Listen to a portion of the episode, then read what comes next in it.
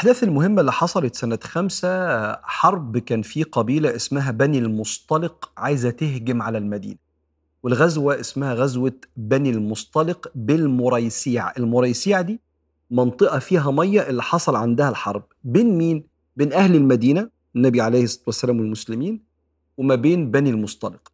من ضمن المعلومات المهمة اللي محتاج تعرفها إن زمان العرب في الجاهلية كان من ضمن موارد الثروة عندهم إن هم يهجموا على بعض. إنك تلاقي مكان مستقر فتهجم عليه تاخد الموارد اللي عنده وتاخد الشباب اللي عنده عبيد عندك والنساء يبقوا سبايا عندك. وكان في شيء من عدم وجود القوانين كده. لغاية ما جه صلى الله عليه وسلم وحفظ الحقوق وعلم الناس إن كيان البني آدم أعظم وأكرم عند الله من الكعبة. وهنيجي وإحنا بعد شوية في كلام سيدنا النبي في الموضوع ده بالذات علشان فكرة إن قابلتين يحاربوا 40 سنة عشان ده موت لواحد معزة ولا جمل ولا واحد يبص لواحد بصة مش كويسة فيقتلوا بعض فتقوم حرب تقعد عشرات السنين الكلام ده كله سكن بس بعد استقرار أمة النبي عليه الصلاة والسلام. فبني المصطلق جه في بالهم إن هم يحاربوا النبي عليه الصلاة والسلام ويهجموا على المدينة بلغ النبي عليه الصلاة والسلام آه، هذا الأمر فجهز الجيش وخرج لهم. كان كتير النبي ما يستناش الحرب تحصل في المدينة عشان لو حصل أي دمار في الحرب ما تبقاش البلد بتتدمر فيطلع يحارب بره. وصلوا عند منطقة اسمها المريسيع ده مكان فيه مية وحصلت الحرب وانتصر النبي عليه الصلاة والسلام. وبعدين خدوا بعض وراجعين. بس وهم راجعين حصل كم موقف مهمين جدا جدا في السنة دي. موقف الأولاني إن واحد من المهاجرين وواحد من الأنصار في المية دخلوا راكبين الجمال بتاعتهم فزي ما يكون كده كسروا على بعض زنقوا على بعض فاتخانقوا. حد منهم ضرب التاني. فواحد منهم قال يا للمهاجرين قال التاني يا للأنصار. مهاجرين أنصار تعالوا. هنحارب؟ هنحارب إيه؟ هنحارب إيه؟ ده إحنا مسلمين ده إحنا أمة واحدة. فسمع النبي الكلام ده قال ما هذا؟ أبدعوى الجاهلية وأنا بين أظهركم؟ هو إحنا لسه بنقول إحنا الفرقة دي وإحنا الفرقة دي وهنحارب بعض؟ دعوها فإنها منتنة. الكلام اللي أنتوا بتقولوا ده كلام منتن. كناية على أن المؤمن المفروض يرتقي عن المستوى ده من الخلاف. يا للمهاجرين يا للأنصار. مين بقى دخل في المشكلة دي؟ عبد الله بن أبي بن سلول رأس المنافقين. دخل عايز يولعها نار. الأنصار كانوا هيتخانقوا مع مع المهاجرين. الأنصار دول الأوس والخزرج. اللي كانوا هيتفقوا يخلوا عبد الله بن أبي بن سلول زعيم.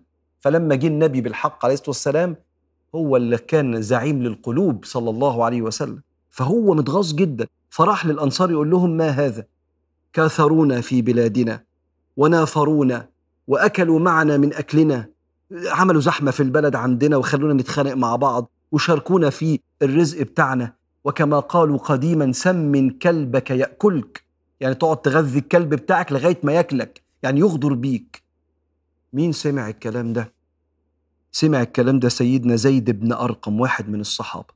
وقام قايل عبد الله بن أبي بن سلول والله لئن رجعنا إلى المدينة ليخرجن الأعز منها الأذل. لا تنفقوا عليهم محدش من الأنصار يساعد المهاجرين. يقصد الأعز هو ويقصد الأذل هو اللي يقصد يعني سيدنا رسول الله صلى الله عليه وسلم أعز الناس عليه الصلاة والسلام. سمع الكلام ده زيد بن أرقم فراح قال لسيدنا النبي يا رسول الله ده ناوي يعمل كذا لما نرجع المدينة. وبيقول للناس في الأنصار لا تنفقوا على من عند رسول الله. اطردوهم بقى خلاص كفاية كده. فسيدنا عمر بن الخطاب قال لسيدنا النبي إيه رأيك؟ أضرب عنقه يا رسول الله. قال كلا. لا يتحدث الناس أن محمدا يقتل أصحابه. لو هتقتله يا عمر لأنه عمال يوقع بيننا وبين بعض وعمال يتفق مع اليهود ويغدر بينا هو في الآخر اسمه مؤمن وسطنا مسلم وسطنا لا يتحدث الناس أن محمدا يقتل أصحابه وإن كان النبي عارف إنه منافق وأشد عداوة من المشركين.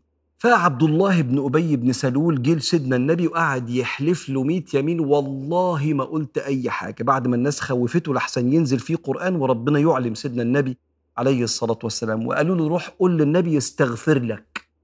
ونزلت سوره المنافقين تصدق سيدنا زيد بن أرقم. اللي كأنه تهز كده لأن هو سنه صغير وفي بعض الناس قالوا لعل زيد وهم ده بيحلف 100 يمين إنه ما قالش حاجة فتهز سيدنا زيد فنزلت سورة المنافقين في جزء 28 إذا جاءك المنافقون قالوا نشهد إنك لرسول الله والله يعلم إنك لرسوله والله يشهد إن المنافقين لكاذبون. اتخذوا أيمانهم جنة يعني حماية فصدوا عن سبيل الله إنهم ساء ما كانوا يعملون. وفي آخر السورة هم الذين يقولون لا تنفقوا على من عند رسول الله حتى ينفضوا. وبعدين يقولون لئن رجعنا إلى المدينة ليخرجن الأعز منها الأذل. ونزل القرآن بنص كلام ابن سلول. يصدق سيدنا زيد بن أرقم. فجه سيدنا عبد الله ابن عبد الله ابن أبي بن سلول. صحابي شريف عظيم. ده مين؟ ابن رأس المنافقين. المنافق اسمه عبد الله بن أبي بن سلول. ده عبد الله ابن عبد الله بن أبي بن سلول. قال يا رسول الله إن شئت أتيت لك برأس أبي فلا تأمر غيري بأن يقتله حتى لا أرى قاتل أبي. افتكر أن النبي هيقتله لما القرآن نزل. طب أنا أقتله أنا عشان ما أشوفش حد ماشي قدامي قتل أبويا. فقال لا بل نبر أباك ونحسن صحبته ما دام معنا. وعلمه صلى الله عليه وآله وسلم ده مش رد فعلي. ده إحنا هناخد بالنا من أبوك طول ما هو عايش وسطنا. يموت عبد الله بن أبي بن سلول رأس المنافقين يموت في التوقيع.